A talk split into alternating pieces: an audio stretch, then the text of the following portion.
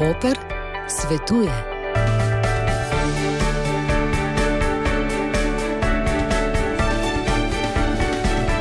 Doktorica Mihajla Jordana z Fakultete za vede o zdravju je z nami. Dobr dan. Dobr dan želim. Koliko časa je znano, da telesna aktivnost vpliva na preventivo pred razvojem raka? Prve študije segajo v začetek 20. stoletja in dejansko prva znanstvena študija je bila objavljena prav pred stotimi leti. Raziskave na tem področju so se precej razširile proti koncu leta 1980, tam nekje, ko so v študiji na zdravstvenih delavcih, predvsem na ženskah, na medicinskih sestrah, ki je trajala 20 let, prvič znanstveno potrdili povezavo med rakom dojke in telesno neaktivnostjo. Kaj imajo naše mišice tako posebnega, da lahko z njimi preprečimo tudi raka? Torej, naše skeletne mišice, ki so prisotne od glave do pete in predstavljajo tam približno 50 odstotkov mase našega telesa, niso namenjene samo premikanju telesa, ampak delujejo tudi endokrino. To pomeni, da se obnašajo podobno kot žleze z notranjim izločanjem, to so žleze, ki izločajo hormone. Zato se med in še nekaj časa po telesni aktivnosti, približno 30 do 60 minut, prav iz skeletno-mišičnih celic izločajo hormonom podobne snovi. Te snovi delujejo protivnetno in jih imenujemo tudi miokini. No, izločanje miokinov vpliva na presnovo drugih tkiv, vpliva naprimer na naše maščevje, na jetra, na trebušno slinovko, na kostno maso, srce, pa tudi na imunski sistem.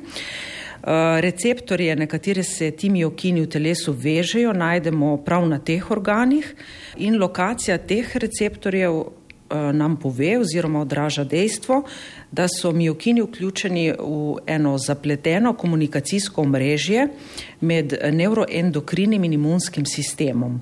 Predvsem pomemben vpliv imajo na izločanje hormonov na osi možganskih žlez endokrinih, to je uh, hipotalamus hipofizo v možganih in s tem odkritjem je bila osnovana povezava med skeletnimi mišicami, gibanjem in imunskim sistemom in seveda pojavnostjo nekaterih oblik raka. Kaj pa so ti miokini in pravzaprav kako vemo, koliko jih imamo? Torej, miokini niso nič drugega kot proteini oziroma beljakovine, ki iz mišic prehajajo preko žilnega sistema v kri, preko kapilar. Določamo jih v krvi s posebnimi molekularnimi postopki. Včasih pa je potreben oduzem biopsije mišic, torej mišičnega tkiva. Tukaj se vzame zelo majhen delček tkiva, manj kot zrno graha, na katerem se potem natančno določa MRNK miokinov. Ta metoda je bolj invazivna, ampak veliko bolj natančna. Teh miokinov v telesu je zelo različno. Med najbolj znane sodi protivnetni mišični interleukin 6, potem sledijo interleukin 1, RA, 8, 15 in tako dalje. Bolj, ko smo aktivni, več jih je. Kako pa delujejo oziroma kakšna je njihova vloga, kaj delajo pravzaprav miokini v telesu? Torej, miokini v našem telesu delujejo izrazito protivnetno in bi lahko rekli, da so protivtež vsem procesom unetja in oksidacije, ki potekajo v telesu, predvsem tistim kroničnim stopnjam, nizkim stopnjam kroničnega unetja. E, imajo pomembno vlogo tudi pri stimulaciji imunskega sistema in posledično odigrajo svoj delež tudi na tak način pred, v preventivi pred rakom. In kako je ta odnos neposredni? Torej, zakaj miokini vplivajo na raka? Miokini, ki se sproščajo med vadbo v krvni obtok, vplivajo veliko krat na ravni naših hormonov. Predvsem miokin, interleukin 6, recimo vemo, da znižuje koncentracijo hormona inzulina in inzulinu podobnega rastnega faktorja v krvi, kar posledično zmanjša pojav različnih vrst raka. Miokini vplivajo tudi na spolne hormone in s tem zmanjšajo verjetnost pojava hormonsko, hormonsko odvisnih rakov, ključno z rakom dojke, endometrija, jajčnikov in prostate. Potem vemo, da miokini uravnavajo vrednosti hormona leptina, ki je odgovoren za pojav raka pri debelih ljudeh. Miokini pa predvsem močno vplivajo na zmanjšanje trebušnega maščevja, to je visceralno maščevje, ki je izrazito upleteno v vzdrževanje kroničnega sistemskega vnetja in je povezano s povečano pojavnostjo tumorjev, in seveda mi to maščojo povezujemo tudi s srčno-žilnimi boleznimi, torej trebušna maščoba ni najbolj uh, zaželena ker tudi predstavlja hormonsko aktivno tkivo, ki ima edinstvene uh, lasnosti, govorimo o biokemičnih lasnosti, ki vplivajo na številne patofiziološke procese v našem telesu.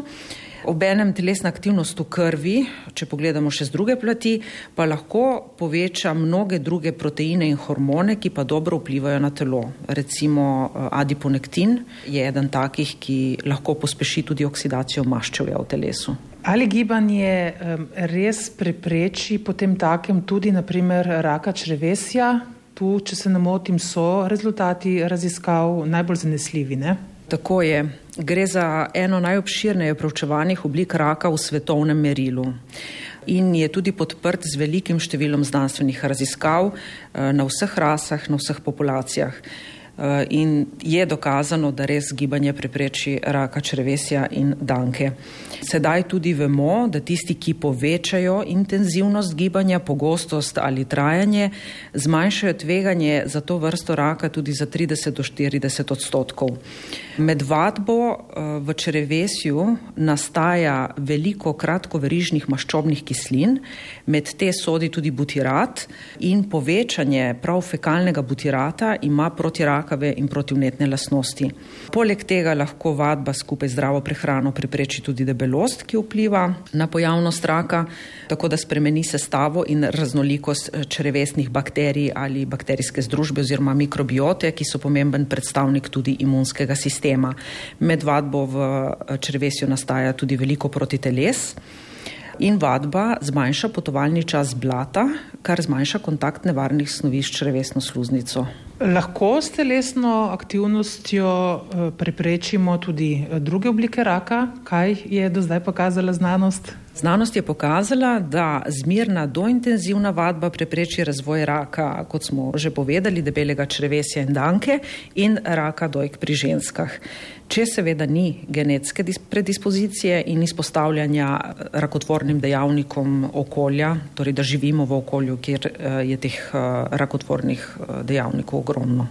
Študije so še v teku, veliko študij kaže na to, da vadba zmanjša tveganje za razvoj raka tudi na endometriju pri ženskah in ledvicah, raka na jetrih, na želodcu, na prostati, nehočkingov limfom pri ženskah. Rezultati kažejo na manjše tveganje za razvoj raka pljuč pri nekadilcih, osebah brez pljučnih patologij, predvsem se pokaže tukaj dobra povezava pri moških. Študije torej nakazujejo, da ti miokini očitno vplivajo tudi na druge oblike raka, vendar bo potrebnih eh, še več eh, raziskav, prav zaradi tega, ker je potrebno te rezultate povezati na svetovni ravni, torej morajo veljati za vse populacije sveta.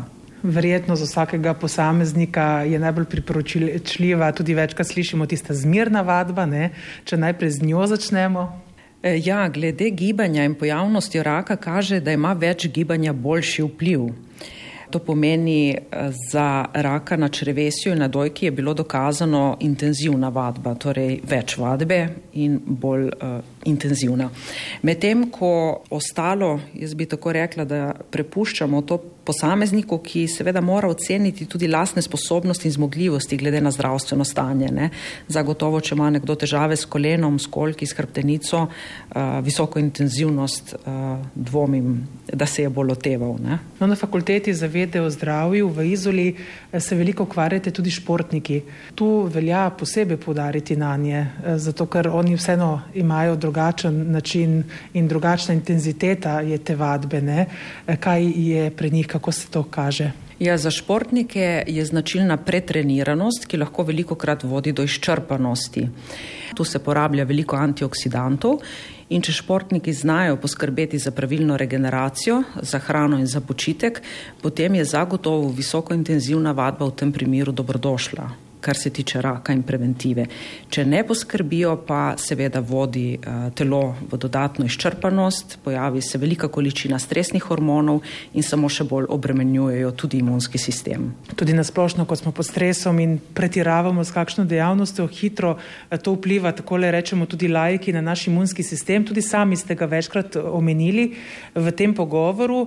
Pojasnili ste nam, kako gibanje vpliva torej tudi na preprečevanje pojava rakavih obolenj.